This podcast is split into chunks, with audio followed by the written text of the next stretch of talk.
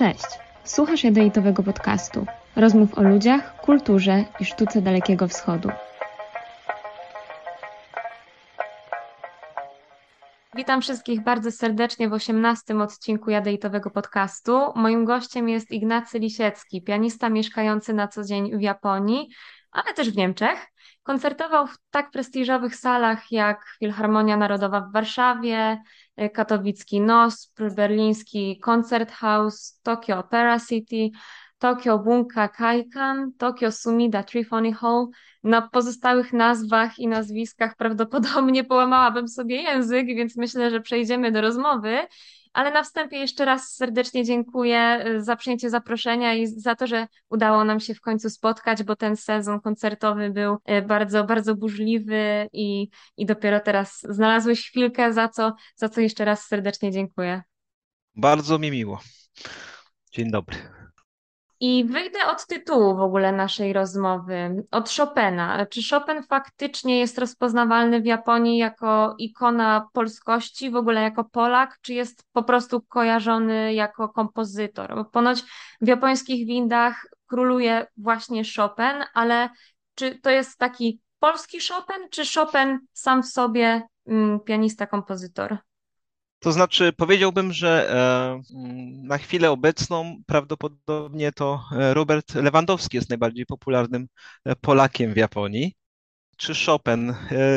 Oczywiście środowisko muzyczne jak najbardziej wie, że Chopin jest polskim kompozytorem, natomiast już powiedziałbym, że społeczeństwo japońskie nie do końca identyfikuje Chopina z Polską, bym powiedział, że Polska jest przede wszystkim kojarzona właśnie z, z Warszawą, oni na to mówią Warszawa Joyaku, czyli e, pakt, układ warszawski, jeżeli z czymś kojarzą Warszawę i Polskę, a drugie, co im przychodzi na myśl, to oczywiście Walesa, jak oni to mówią, czyli Lech Wałęsa i to jest jakby główny taki image Polski, wydaje mi się, że jest to spowodowane tym, że oni patrzą na Polskę poprzez właśnie pryzmat takiej amerykańskiej kalki geopolitycznej, czyli w zasadzie e, to jest jedna sprawa, czyli no, szczególnie jak teraz też się patrzy na ten konflikt na Ukrainie, e, na wojnę, może to lepsze słowo.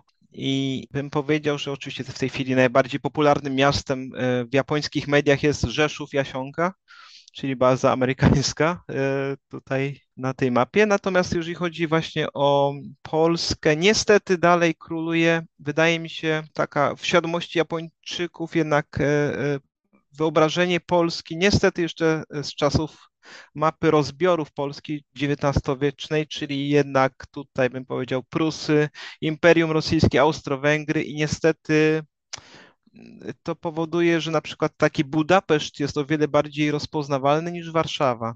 Niestety, tak muszę to przyznać, że dalej to tak jest, ale całe szczęście to wszystko się zmienia. W tej chwili jest dużo programów od ostatnich pięciu, dziesięciu lat w, w japońskich mediach, w państwowym NHK i jakby to e, na temat właśnie Wrocławia, Warszawy pokazują w programach turystycznych, pokazują bardzo pozytywny sposób właśnie e, Polskę. Jest to też na pewno jakaś zasługa e, ambasady RP w Tokio między innymi i coraz więcej tej, tej Polski w Japonii to cieszy cieszy i wiem też, że dla Ciebie jednym z priorytetów jest właśnie propagowanie polskiej e, kultury, wymiana wiedzy e, na temat kultury japońskiej, e, polskiej.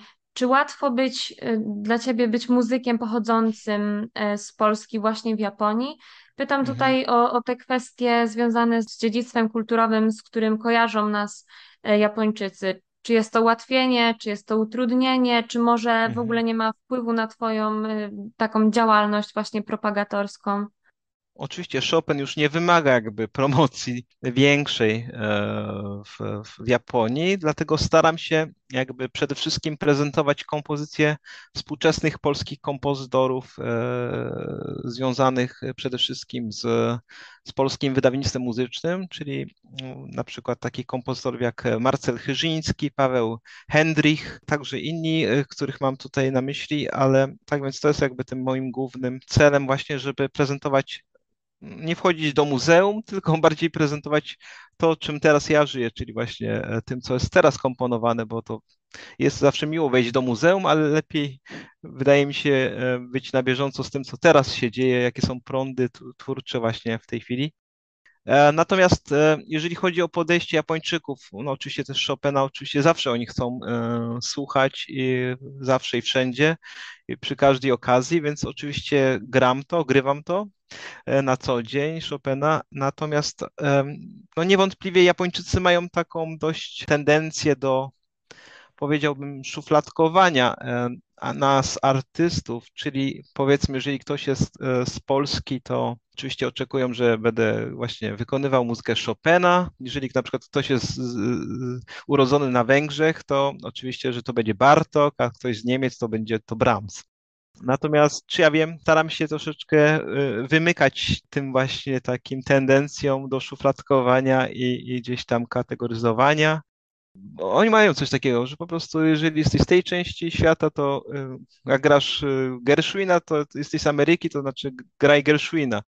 E, natomiast, no nie wiem, ja jestem urodzony w, po prostu w, w, rodzinie wielokulturowej, tak więc czuję się tak samo jakby predysponowany do grania powiedzmy Brahmsa, czy Weinberga, czy Kosenko. tak więc nie wydaje mi się, że do końca też nie wydaje mi się, że akurat jakoś narodowość decyduje o tym, czy ktoś dobrze gra Chopina, czy Debussy'ego. Wydaje mi się, że E, nie jeden Francuz mógłby świetnie zagrać niemiecką muzykę, a powiedzmy Polak mógłby zagrać amerykańską albo japońską. Wydaje mi się, e, jest to niestety taki dość problem i to też e, jakby, no jest to jakieś ułatwienie dla rynku muzycznego. Nie, nie znoszę tego słowa, ryn, rynek muzyczny, ale tak to niestety funkcjonuje, że łatwiej sprzedać taki koncert, jeżeli Polak gra Chopina. Tak. Czyli marketing też jest istotny. A Tak. zastanawia mnie jeszcze to, czym wspomniałeś w kontekście właśnie muzyki narodowej. Jaka Mhm. jest muzyka japońska? Bo użyłeś tego sformułowania, ale jest coś takiego Mhm. charakterystycznego, co mógłbyś podać? Czym ona się różni od, od innej muzyki? Tak, to znaczy e, należałoby, e, wydaje mi się, rozróżnić tą muzykę japońską na takie dwie kat podkategorie czy kategorie, mianowicie tradycyjną japońską muzykę, wykonywaną właśnie na tych tradycyjnych instrumentach japońskich typu shamisen albo właśnie koto, czyli taka właśnie japońska gitarka położona na podłodze. Mówię tu o koto właśnie. E, o tym instrumencie. Natomiast, e, no i oczywiście jest e, współczesna klasyczna muzyka, pisana właśnie na fortepian, czy powiedzmy na skrzypce i to są kompozytorzy tacy jak na przykład Hosokawa, którego opera też była wykonywana między innymi w Operze Narodowej dzięki tutaj właśnie panu dyrektorowi Dąbrowskiemu, tak więc jakbym, jakby powiedzieć, no, te, są te dwie kategorie muzyki. Ja oczywiście staram się w Polsce promować tą bardziej klasyczną, wykonywaną na, na fortepian oczywiście muzykę, czyli Hosokały, Takemitsu, bardzo znanego.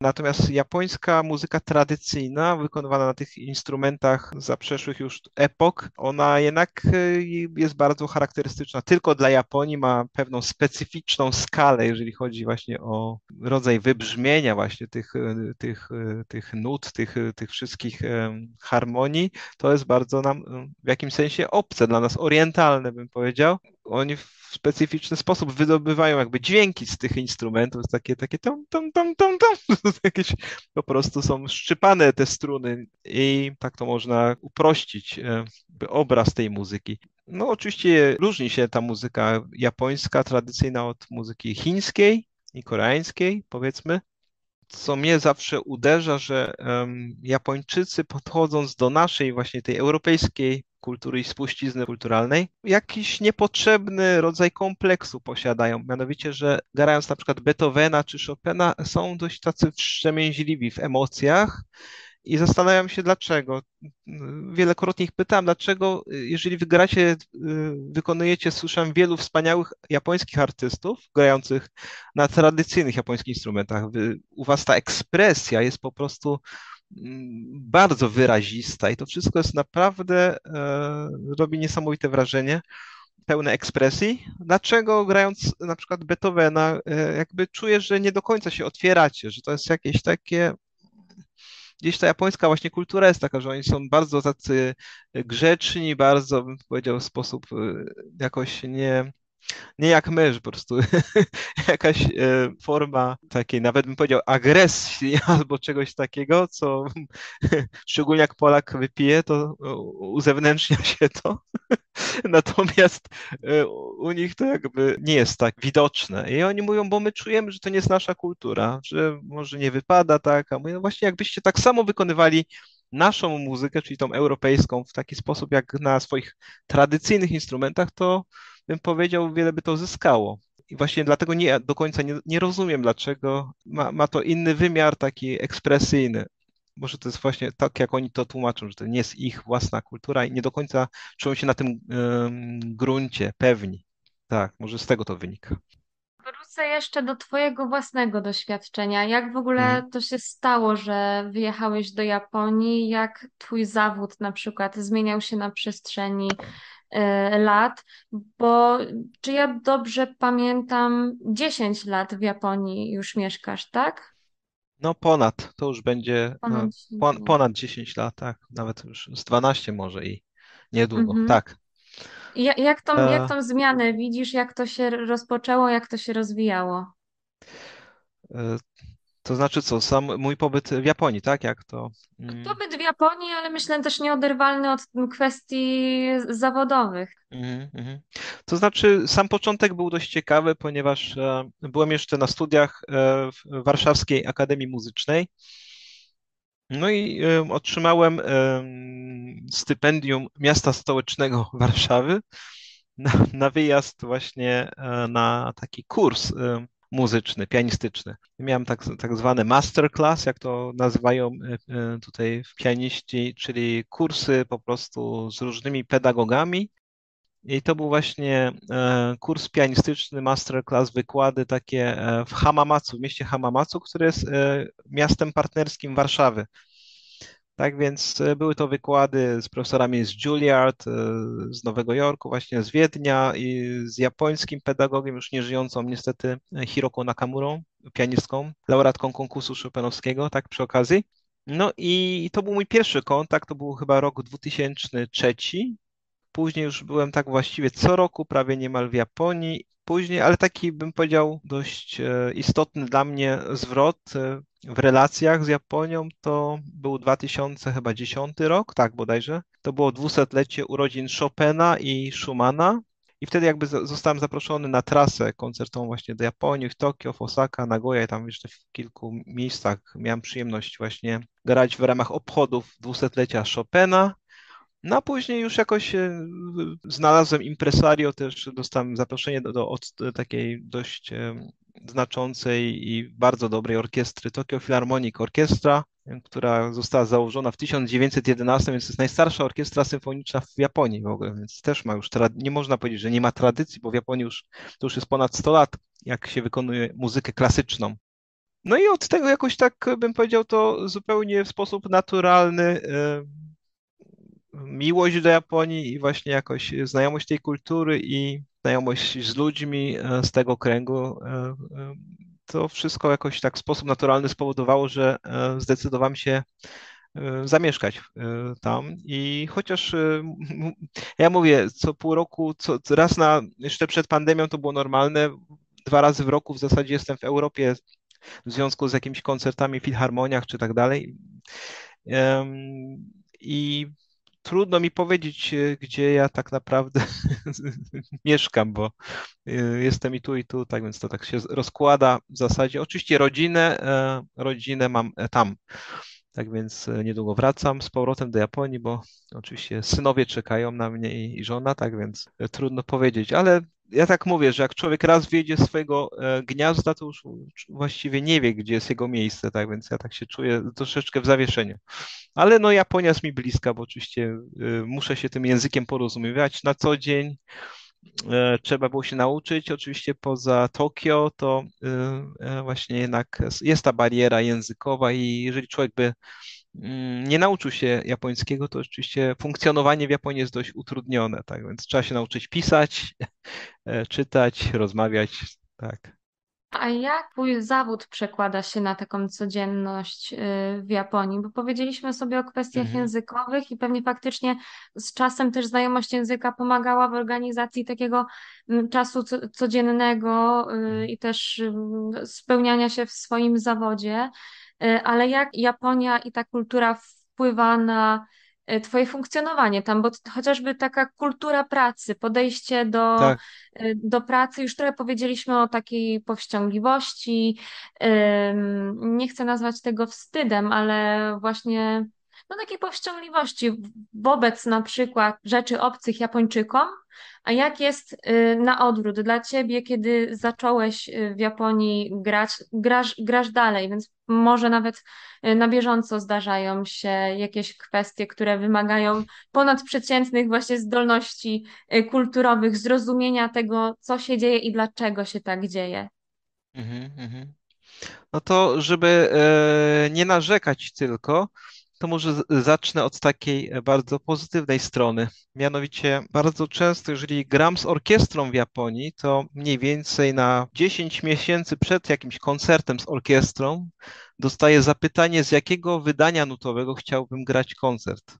E, Czyli generalnie to jest, to jest główne uz- uzgodnienie pomiędzy orkiestrą, ale przede wszystkim dyrygentem i pianistą, czyli solistą. I nie pamiętam, żeby kiedykolwiek w Europie ktoś z tak dużym wyprzedzeniem czasowym zwrócił się do mnie właśnie z takim mailem, z takim zapytaniem, czy no, po prostu jakby 10 miesięcy na przykład to jest jeszcze dość spora, e, bym powiedział, taka odległość czasowa i, i e, było to dla mnie to dość takie zaskakujące na samym początku, za pierwszym razem, że ktoś na 10 miesięcy przed, przed e, planowym koncertem e, już chce takie sprawy mieć na 100% potwierdzone, ale to chodzi o zamówienie nut, chodzi o zakup nut dla orkiestry, dla dyrygenta i tak dalej.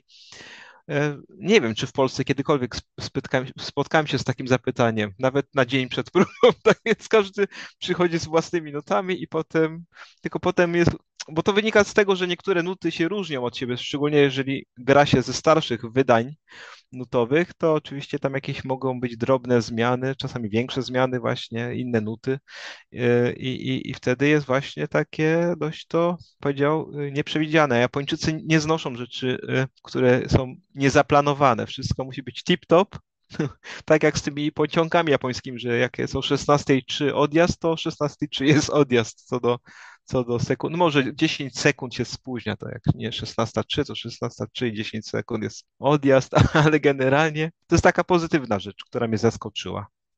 Natomiast co mniej mi się podoba, to na przykład to, że wracając do tego naszego pytania, co z, z, takiej właśnie od strony zawodowej mnie zaskakuje i zaskakiwało w Japonii, tej różnicy kulturowej. Pianista często, jak już zakończy swój oficjalny program, to tam, jeżeli się podoba koncert, to musi zagrać jakiś encore, czyli bis. Coś na bis musi zagrać na pożegnanie. No i jest taki zwyczaj w Japonii, że, znaczy w Europie to generalnie się odbywa w ten sposób, że to jest taka niespodzianka, rodzaj niespodzianki, czyli chcę czymś zaskoczyć publiczność, zagrać im coś, czego się nie spodziewają. No i z reguły gram jakiś utwór, czy to mniej znany, czy, ale generalnie chodzi o niespodziankę wobec publiczności. No i właśnie cała idea według mnie e, polega na tym, żeby zaskoczyć publiczność, ale właśnie w taki sposób, że to jest coś niespodziewanego, to jest coś, co nie planowałem i to nawet wydaje mi się jest bardzo taka, taka, taki rodzaj improwizacji, że wykonuję jednak coś, co sam nawet nie wiem, na dwie sekundy przed wejściem z powrotem na tę estradę, a właściwie sam sobie myślę, co bym dzisiaj zagrał dla nich na ten bis. I tak jeszcze już tak w drodze na, na scenę jeszcze nie wiem tak naprawdę, co będę grał. No mówię, no, mam te, te dwa, trzy utwory gdzieś tam w zanadrzu, które mam zawsze przygotowane, ale wszystko zależy od nastroju. Dzisiaj zagram na przykład to, bo dzisiaj się bardziej czuję refleksyjnie, albo się czuję bardziej podekscytowany, to gram coś tam, co jest bardziej głośniejsze i tak dalej, z większą ekspresją. No i proszę sobie wyobrazić, że oni, no to w Europie jest jakaś niespodzianka, natomiast oni nawet często przed koncertem wymagają, żeby im powiedzieć, co ja będę grał na bis. A dla mnie to jest takie jakby troszeczkę no, zbyt wielka ingerencja właśnie w ten mój nastrój. No, no musi być jak, jakaś spontaniczność w tym wszystkim. Ja strasznie, dla mnie to jest e, e, prawie, prawie, że obrazoburcze. Dlaczego ja mam im powiedzieć, co ja będę grał? Ja sam nie wiem, co będę grał. Była taka słynna pianistka Czerny Stefańska, zwyciężyła konkurs Chopinowski w 1949 roku i ona na, nawet nie pamięta, co w programie grała. E, albo Rachmaninow na przykład. U Rachmaninowa Chopin skomponował cztery ballady, w programie było napisane tylko Chopin, ballada, ale nie było wymienione, czy to będzie pierwsza ballada, czy czwarta, czy druga, tylko było napisane Chopin, ballada. Taki mam archiwalny program z Nowego Jorku, z jego występu. A Czerny Stefańska z kolei też często nie pamiętała i zwracała się do, do publiczności w, w trakcie koncertu. Przepraszam, a co ja teraz dalej miałam w programie? Czyli to, to też świadczyło, że to jednak koncert to jest jakaś spontaniczność, że koncert to jest coś, co się dzieje w tym momencie i jeżeli to wszystko, to nie jest film, to nie jest y, nagrana płyta audio, czy taka, która jest w sklepie do kupienia, studyjna, musi być jakaś spontaniczność, bo inaczej zabijamy właśnie tą, e, to, co jest właśnie istotą występu na żywo, czyli właśnie to, że to są jakieś emocje, które się dzieją tu i teraz.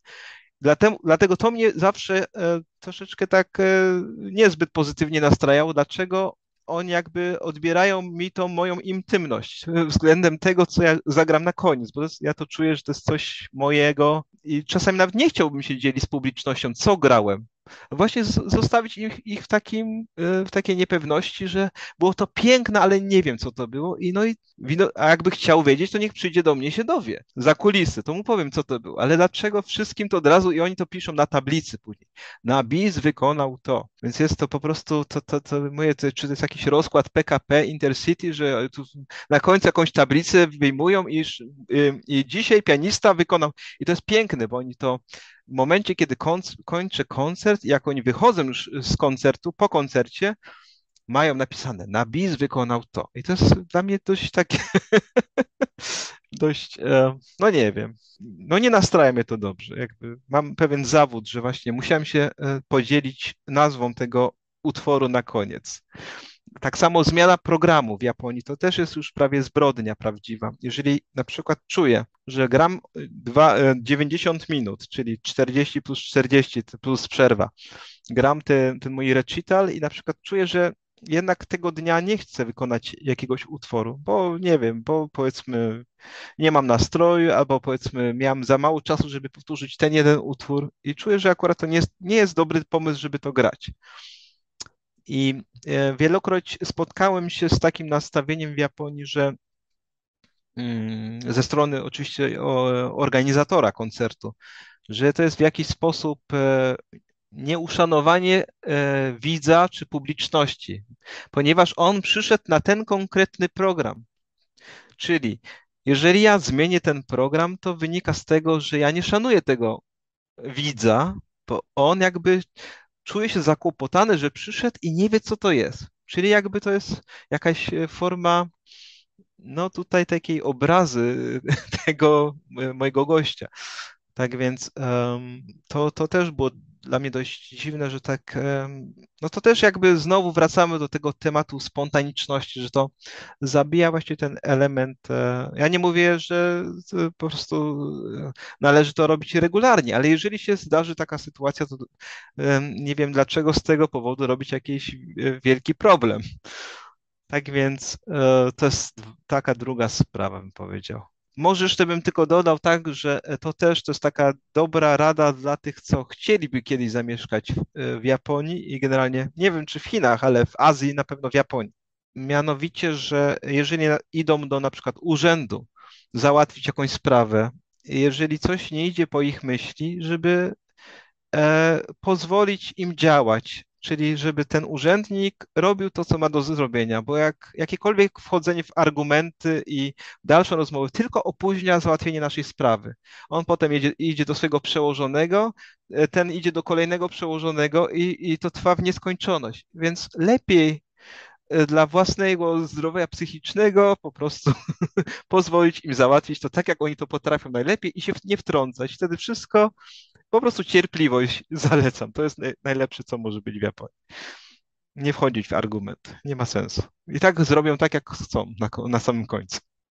A jak widzisz swoją przyszłość jako pianisty w Japonii? Czy w ogóle widzisz tą przyszłość w Japonii? Czy tęskno ci y, tutaj do takich realiów mm, europejskich, w cudzysłowie, polskich? Bo wspomniałeś o kilku rzeczach, które są y, które są dużym zaskoczeniem, które w pewien sposób ograniczają Twoją pracę, ale podejrzewam, że jest też dużo tych pozytywnych kwestii, które wpływają na Mhm. to, oczywiście poza tymi prywatnymi, że, że nadal mieszkasz y, w Japonii. Ale jak, jak widzisz właśnie tą przyszłość kolejne i kolejne lata w zawodzie? To znaczy, e, tak jak wspomniałem, właściwie nie czuję się, mm, nie czuję e, żadnej tęsknoty za Europą z tego względu, że jestem tu w zasadzie no tak jedną trzecią w roku w Europie, tak więc i to jest z reguły dwukrotnie, tak więc, więc czy ja wiem, czy, czy chciałbym coś zmieniać? Ja bym powiedział, że ten sposób jest ok. Przynajmniej na, na obecnym e, etapie życia wydaje mi się, że także patrząc na też taką geopolityczną sytuację w Europie, to nie wiem, czy bym chciał tutaj w tej chwili wracać tak na, na stałe żeby być e, czy to w Polsce, czy w Niemczech, powiedzmy, czy w, w Wielkiej Brytanii, bo jakby w tych krajach najlepiej się zawsze czułem.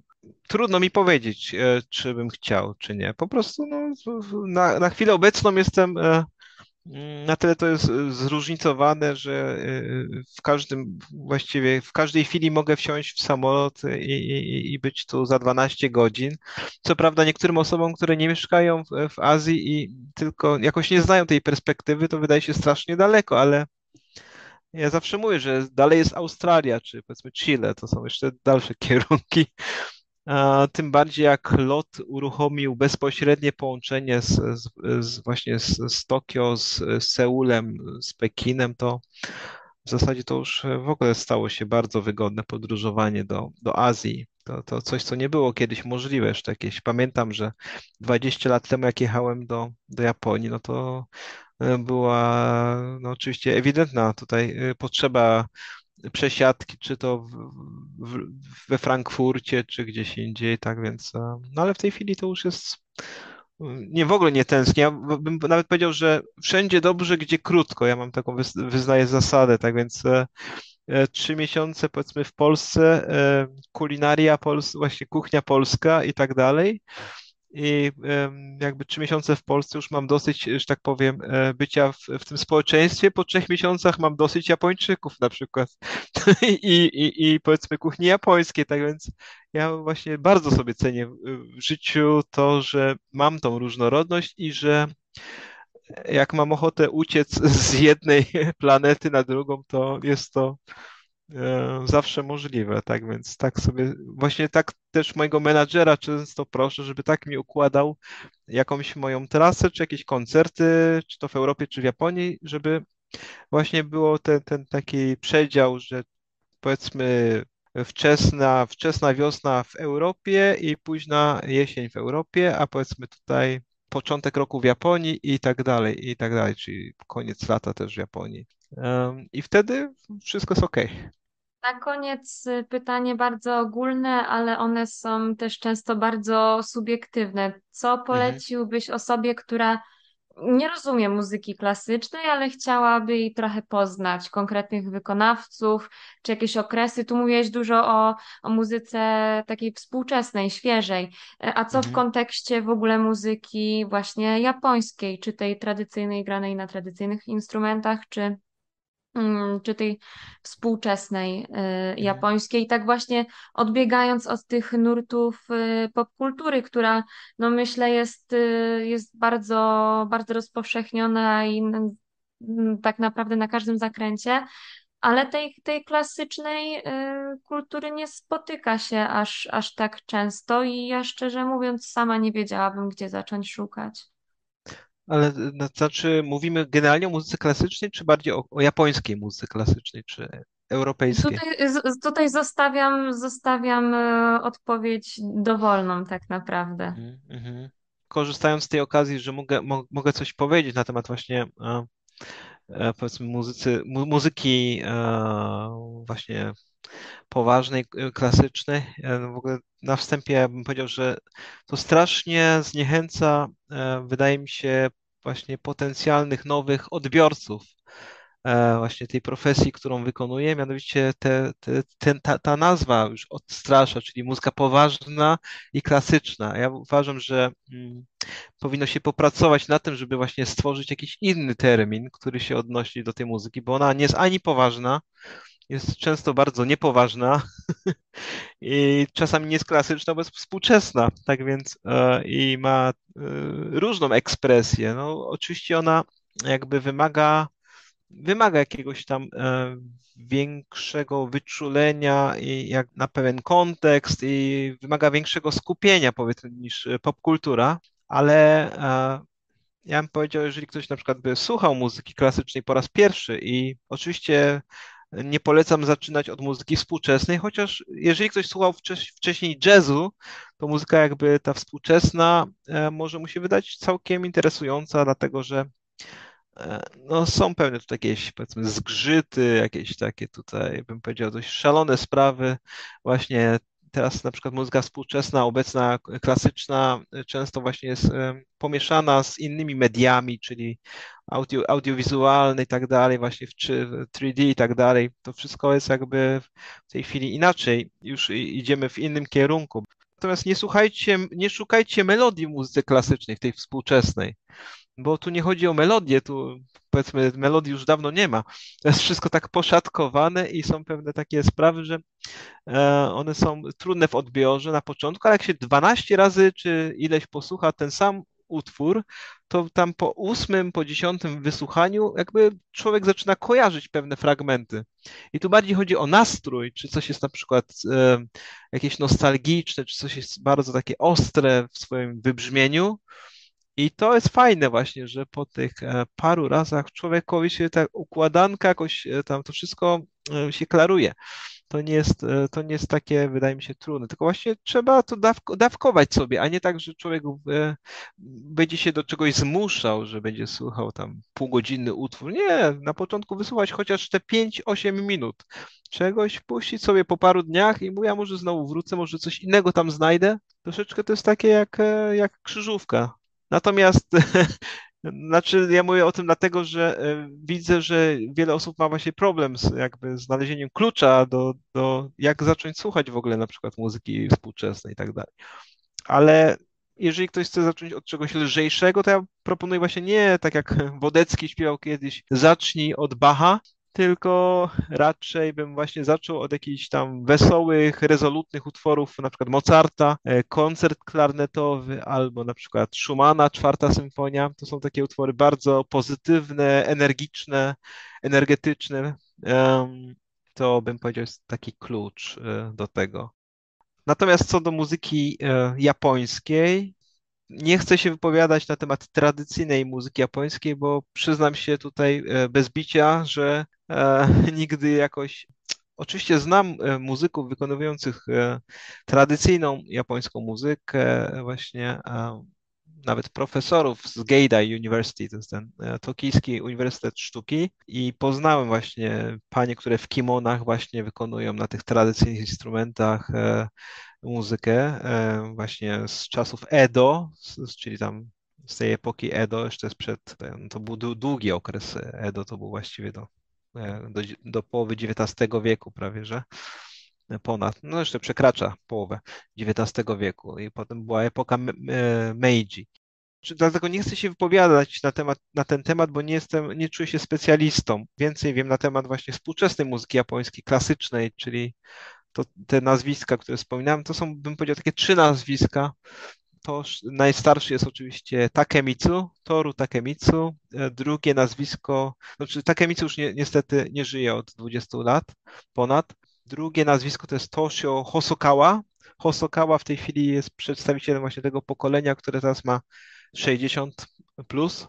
I bym powiedział z 40-latków, 40-parolatków, tak najbardziej wyrazisty, mieszkający co prawda w Londynie, Dai Fujikura i on jest bardzo ciekawym kompozytorem. Miałem przyjemność właśnie wysłuchać jego muzyki w Japonii kilkakrotnie i, i naprawdę jest to bardzo sugestywna muzyka, bardzo taka niesamowicie e, on właśnie takie kolory i, i, i to wszystko jest takie wysublimowane i naprawdę delikatne, ale z drugiej strony właśnie bardzo takie tajemnicze i jest to muzyka, która bardzo mnie przynajmniej przekonuje, tak więc to na pewno bym polecał. To są takie na, pe na pewno warte polecenia nazwiska. Dziękuję za te polecenia. Już sam ten opis wydał mi się taki bardzo, bardzo barwny, melodyjny, że chyba po, po naszej rozmowie spróbuję sobie czegoś posłuchać, coś znaleźć. Wiadomo, że taką, takiej muzyki najlepiej słucha się na żywo. Ale jeżeli ktoś taką muzykę dopiero poznaje, no to nie ma w tym nic złego, żeby e, poszukać w internecie, też po to, e, po to to właśnie jest. Także ja jeszcze raz bardzo serdecznie dziękuję Ci za tą rozmowę. Moim gościem był Dzięki. Ignacy Dziękuję. Lisiecki. Ja nazywam się Sandra Krawczyszyn i zapraszam wszystkich do śledzenia przyszłych, ale też poprzednich, starszych odcinków Jadejtowego podcastu. Dziękuję. Dziękuję.